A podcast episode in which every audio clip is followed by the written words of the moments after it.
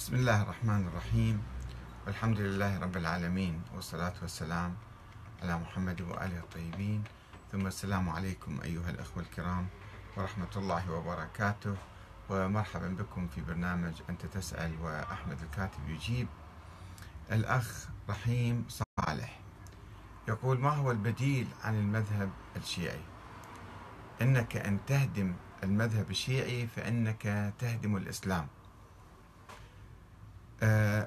ويقدم رؤية تاريخية لنشوء المذهب وللمذاهب المعارضة له وأيضا ينتهي بخلاصة أنه بقاء هذا المذهب واستمراره إلى اليوم.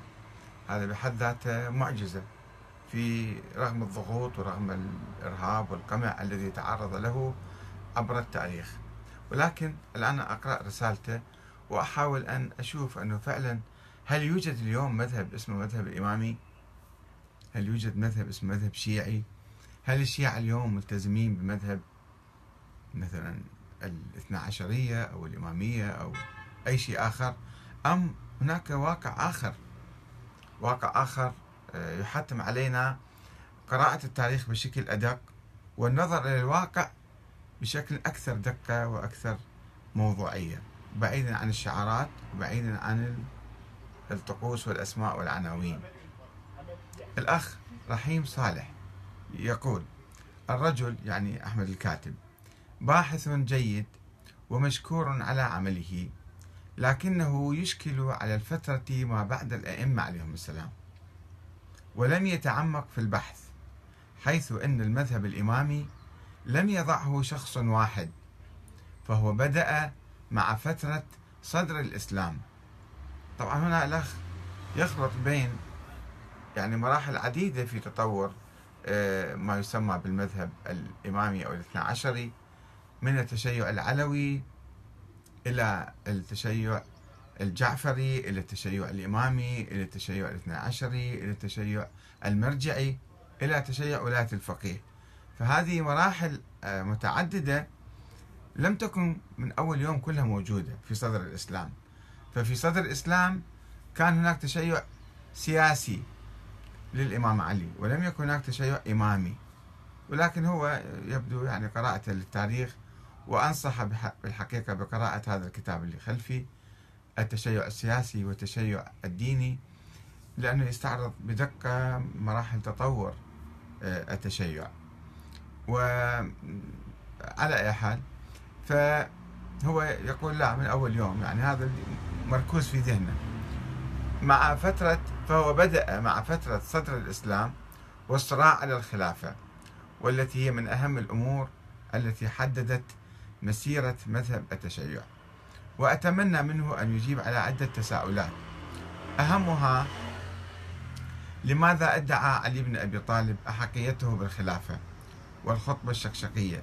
تشرح مطالبه أو مطالبة علي بالخلافة لنفسه. هو هذه الخطبة الشقشقية هو ألقاها عندما كان خليفة يعني تنسب إليه.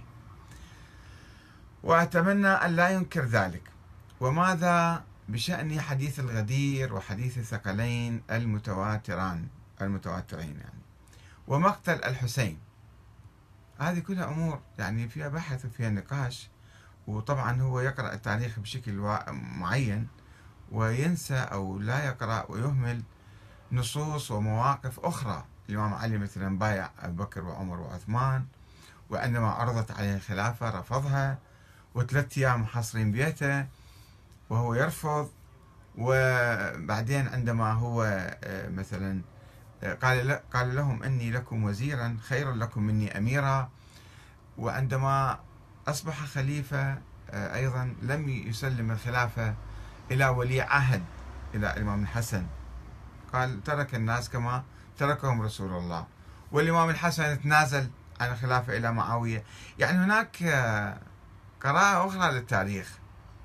ولكن بعض الناس يعني عندهم نبذ من هنا وهناك وما مكتمل الصورة عندهم وما يقرون التاريخ بصورة كاملة شاملة حتى يعرفوا شنو هي نظرية أهل البيت وهل كانوا يتبنون نظرية الإمامة أو نظرية الشورى؟ وهذا حتى مقتل الإمام الحسين يعني ما ادعى أنه هناك نص عليه من الله. أهل الكوفة استدعوه واستجاب لهم ثم حصل انقلاب على ثورة أهل الكوفة الجيش الأموي سيطر على المدينة وقتل الإمام الحسين. وهناك أمور تاريخية تؤكد أن إمامة أهل البيت كانت من المسلمات. وين هاي الأمور التاريخية؟ يا أخي العزيز رحيم صالح. بحاجة إلى الدقة في الكلام وإلا إذا واحد رأسا شنو ما سامع من المنابر أو قارئ من بعض الكتب وجهات نظر محددة ويعتقد أن هذه أمور كانت ثابتة بالتاريخ. أنها كانت إمامة أهل البيت كانت من المسلمات ولا تخص الشيعة وحدهم. ولماذا كان الحكام يخافون أهل البيت على خلافتهم؟ لأن كانوا معارضين. كانوا مع جانب الشعوب ضد الحكام الطغاة والذي حصل للإمام الكاظم خير الدليل. ماذا حصل له بالضبط؟ هل تعرف جيدا؟ يا أخي العزيز اقرأ التاريخ جيدا حتى تعرف. شوف الإمام الكاظم أصلا دعا الإمامة أو لم يدعي الإمامة ومبايعة المأمون لعلي بن موسى. ومبايعة أنا أقول لك ومبايعة علي بن موسى للمأمون. بايعه كخليفة وذاك قال له أنت ولي عهدي. يعني بالعكس المسألة هذه. وإذا كان هو إمام من الله شلون يبايع الخليفة المأمون؟ دليل على أن الرأي العام الإسلامي في ذلك الوقت كان مسلما بأن هؤلاء الأئمة وهم أحق بالخلافة. وماذا تقول لشعراء ذلك الزمان الذين أشاروا إلى هذه القضية بآلاف القصائد؟ بآلاف القصائد. يعني سهل يعني واحد يفكر بهذه الطريقة. وهذا الصراع وهذه الأمور لا تخص الشيعة وحدهم بل تداولها عامة المسلمين.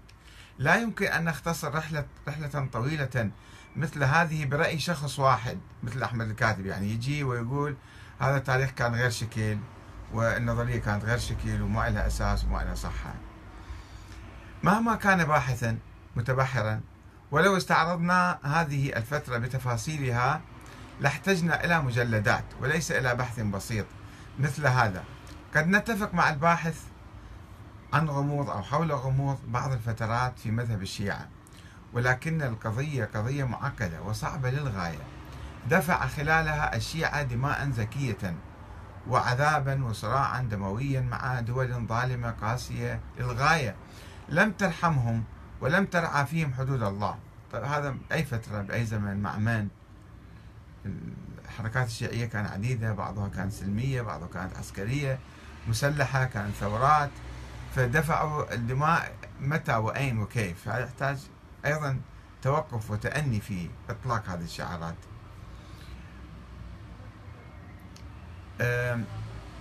لم ترحمهم ولم ترعى فيهم ثم ما هو الدليل أو البديل إن كان المذهب الشيعي مختلق وغير صحيح؟ أنا لم أقول المذهب الشيعي.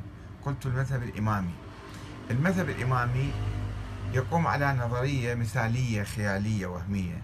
أن الحاكم عموما أي حاكم يجب أن يكون معصوما ومعينا من قبل الله. وهذا مو ممكن. لا يمكن نعرف المعصوم ولا نعرف اللي الله معينه. ما عندنا أدلة على أن الله عين فلان وفلان وفلان وفلان إلى يوم القيامة. دائما كان موضع خلاف حتى بين الشيعة وبين أبناء الأئمة أنفسهم. فلو واحد يعني نظر الأمور بعلمية ودقة ما يخلط بين الكلمات. يعني أنا لما أقول المذهب الشيعي. المذهب الشيعي بعدة آه، مذاهب. سبعين مذهب في نهاية القرن الثالث الهجري كان صار أكثر من سبعين مذهب. سبعين فرقة. ما هو البديل إن كان هذا المذهب الشيعي مختلق وغير صحيح؟ هل هو إسلام معاوية أم إسلام الحجاج أم إسلام هارون الرشيد المتوكل أم إسلام المذاهب الأربعة آه، التي تقول لا تقول لك أين الحق والباطل. شوف المذهب الشيعي بعدة أمور. بولاء روحي لأهل البيت. هذا موجود عند كل المسلمين.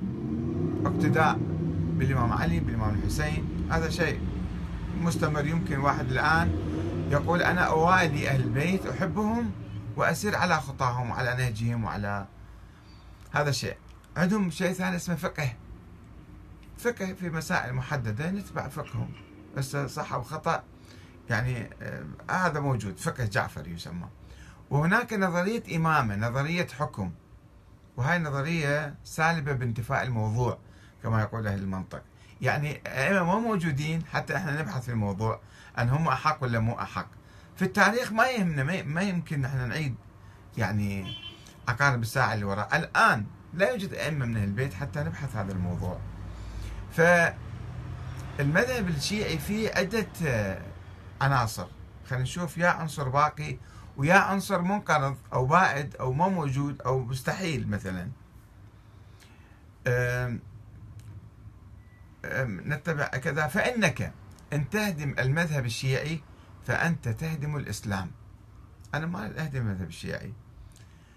هناك عناصر في المذهب الشيعي موجودة وأنا ملتزم فيها وأنا أعتبر نفسي مشايع لعلي بن أبي طالب مشايع الحسين وأتمنى وآمل إن شاء الله أن أكون كذلك.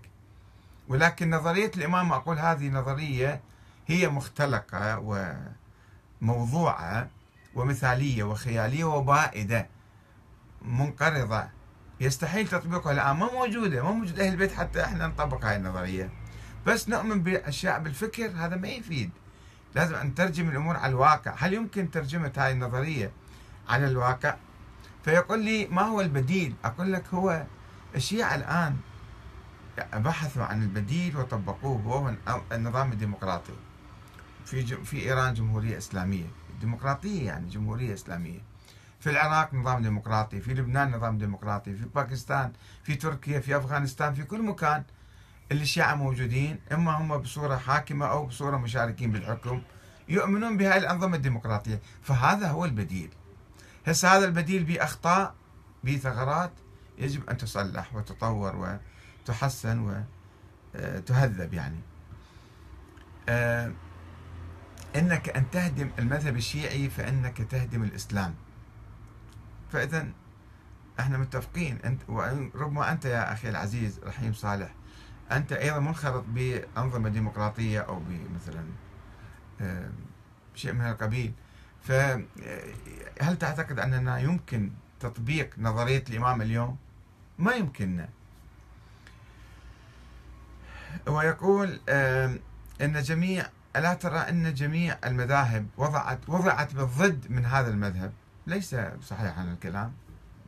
ربما هذا المذهب وضع بالضد من المذاهب فكيف تعرف؟ وربما المذهب الإمامي وضع بالضد من مذهب الشورى مال أهل البيت. ضد أهل البيت يعني مو فقط ضد المذاهب الإسلامية. لأن أهل البيت في هذا هو مذهب أهل البيت. الشورى مذهبهم السياسي ونظريتهم السياسية.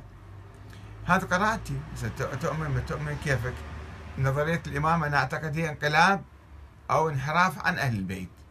انحراف عن التشيع وليست هي التشيع حتى إذا انتقدناها يعني انتقدنا التشيع. أن بقاء آه أن بقاء المذهب الإمامي إلى هذا اليوم معجزة. ولكن السؤال هو هل باقي فعلا؟ وين المذهب الإمامي؟ يا أخي العزيز شوية فكر شوف. أكو مذهب إمامي على مستوى النظريات والحكي نعم ممكن واحد يقول إيه ولكن على مستوى الواقع والتطبيق لماذا إذا ذهبنا إلى نظرية الشورى اللي هي بديلة ومضادة لنظرية النص والتعيين؟ والشورى تقوم على اختيار الحاكم اختيار. الأمة تختار الحاكم مو الله ينصبه والحاكم مو يشترط في يكون معصوم ونصوص من الله يكفي يكون عادل يكفي يكون فقيه يكفي يكون إنسان ملتزم مثلا عادي يعني. آه هذا يكفي نخليه يصير إمام فإذا نظرية الإمامة مو موجودة حتى تقول معجزة. بحد ذاته. فلم يتعرض أي مذهب على مر العصور لما تعرض له المذهب الإمامي الشيعي. كل هذا وغيره. هذه سيمفونية مظلومية مال الشيعة. أنا والله إحنا كنا مظلومين دائما. إحنا كنا حاكمين أيضا. قرون من الزمن الدولة الصفوية والدولة القاجارية والدولة البويهية والدولة الحمدانية والدولة الفاطمية ودول عديدة بالتاريخ قامت على نظريات مختلفة. وأيضا قد هي اقترفت قتل وتعذيب وكذا أيضا هذا مو لن ننفي آه، يعني إحنا الأشياء اللي سويناها ضد الآخرين. وكل هذا وغيره يدفع المرء لعدم الاستعجال والتصديق بمثل هذا هذه البحوث المستعجلة اللي أنا قلت أن نظرية الإمامة نظرية هي منتهية ومنقرضة والتي قد تكون رد فعل لواقع متردي للمذهب. نتفق بهذا الأمر مع الكاتب ربما يشير إلى إيران مثلا يقول. لا هو بالحقيقة مو رد فعل إنما هو قراءة لتطور الفكر السياسي الشيعي من الشورى إلى ولاية الفقيه إلى الشورى. ولاية الفقيه أيضا تتضمن الشورى. لا ليست نظرية إمامية لا تقوم على نظرية الإمامة. والآن الشيعة عموما بعامتهم ما عدا بعض الاستثناءات البسيطة هم ليسوا إماميين وليسوا اثنا عشريين. خلينا نعرف هاي الحقيقة. هم ديمقراطيين هم نظرية ولاية الفقيه. حتى المرجعية هي نظام قيادة ما له علاقة بنظرية الإمامة. نظرية الإمامة القائد الزعيم هو المعصوم المنصوص عليه من الله من السلالة العلوية الحسينية بينما المرجعية تقول لا الفقيه العادل هو يكون قائد الأمة. فإذا حتى نظرية المرجعية هي تقريبا آه انقلاب أو نوع من الابتعاد عن تلك النظرية المستحيلة التي لا يمكن تطبيقها. وشكرا للأخ رحيم صالح على مداخلته القيمة هذه. وبالحقيقة الجواب ما يمكن باختصار بهذه الدقائق. بحاجة إلى أن واحد يقرأ التاريخ بصورة مفصلة ويقرأ النظرية أيضا بصورة معمقة حتى يعرف ماذا بقي منها وماذا انقرض وماذا يجب أن يبقى. والسلام عليكم ورحمة الله وبركاته.